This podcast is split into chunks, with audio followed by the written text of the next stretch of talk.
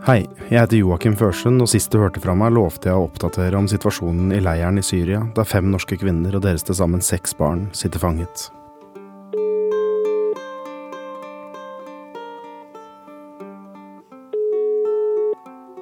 Dette var det siste jeg hørte.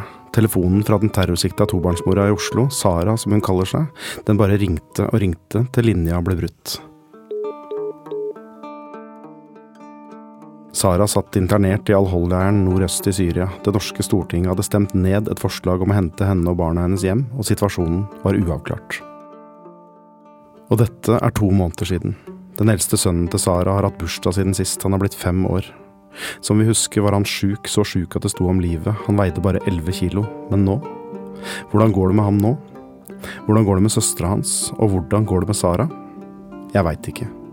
Det kommer ikke rapporter fra leiren lenger. Noe av det siste vi hørte, var at det var opprør. At flere var blitt henretta i spontane rettssaker, annet fordi de ikke hadde fulgt IS sine regler om påkledning. Og så trakk USA styrkene sine ut av grenseområdet mot Tyrkia, og akkurat som forventa rykka Tyrkia inn for å ta kontroll over de kurdiske områdene nord i Syria. Og hva gjorde kurderne da? Jo, de tok til våpnene. Mange av soldatene som hadde ansvaret for sikkerheten i leiren der Sara og barna hennes befinner seg, ble sendt til krigen mot tyrkerne, og situasjonen i leiren ble lovløs. Helsearbeidere trakk seg ut, matforsyninger ble avskåret. IS på den ene sida varsla at de ville rykke inn i leiren og befri fangene i all hold. mens det også ble sagt at Syrias diktator Bashar al-Assad ønsket å overta leiren og straffe alle med tilknytning til IS. Ingen av disse scenarioene ville være godt nytt for Sara og barna, for Sara vil hjem. Det er det eneste hun vil. Hun er klar over at hun vil bli stilt for retten i Norge for deltakelse i IS, men hjem vil hun, like fullt. Og det er i grunnen det, jeg veit ikke hva som skjer, og jeg veit ikke hvordan Sara og barna har det.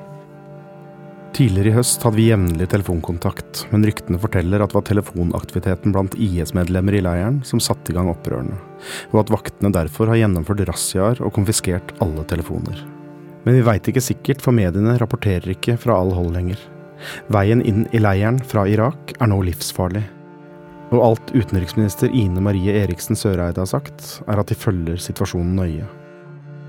Saras advokat i Norge, som tidligere i høst uttalte seg i media hver eneste uke, er taus. Han har fått rapporter om at Sara er i live, men han vil ikke si noe mer enn det. Det vil ikke faren til Sara heller. De veit ikke, sier de.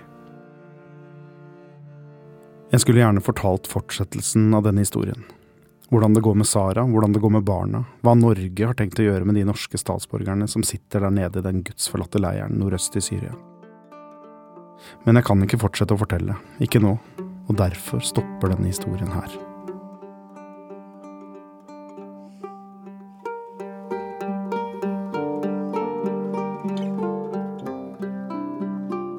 Jeg heter Joakim Førsund, takk for at du har hørt på Det svarte flagget. Hvis du har lyst til å holde deg oppdatert, så anbefaler jeg deg å følge NRKs podkast som heter nettopp det, Oppdatert.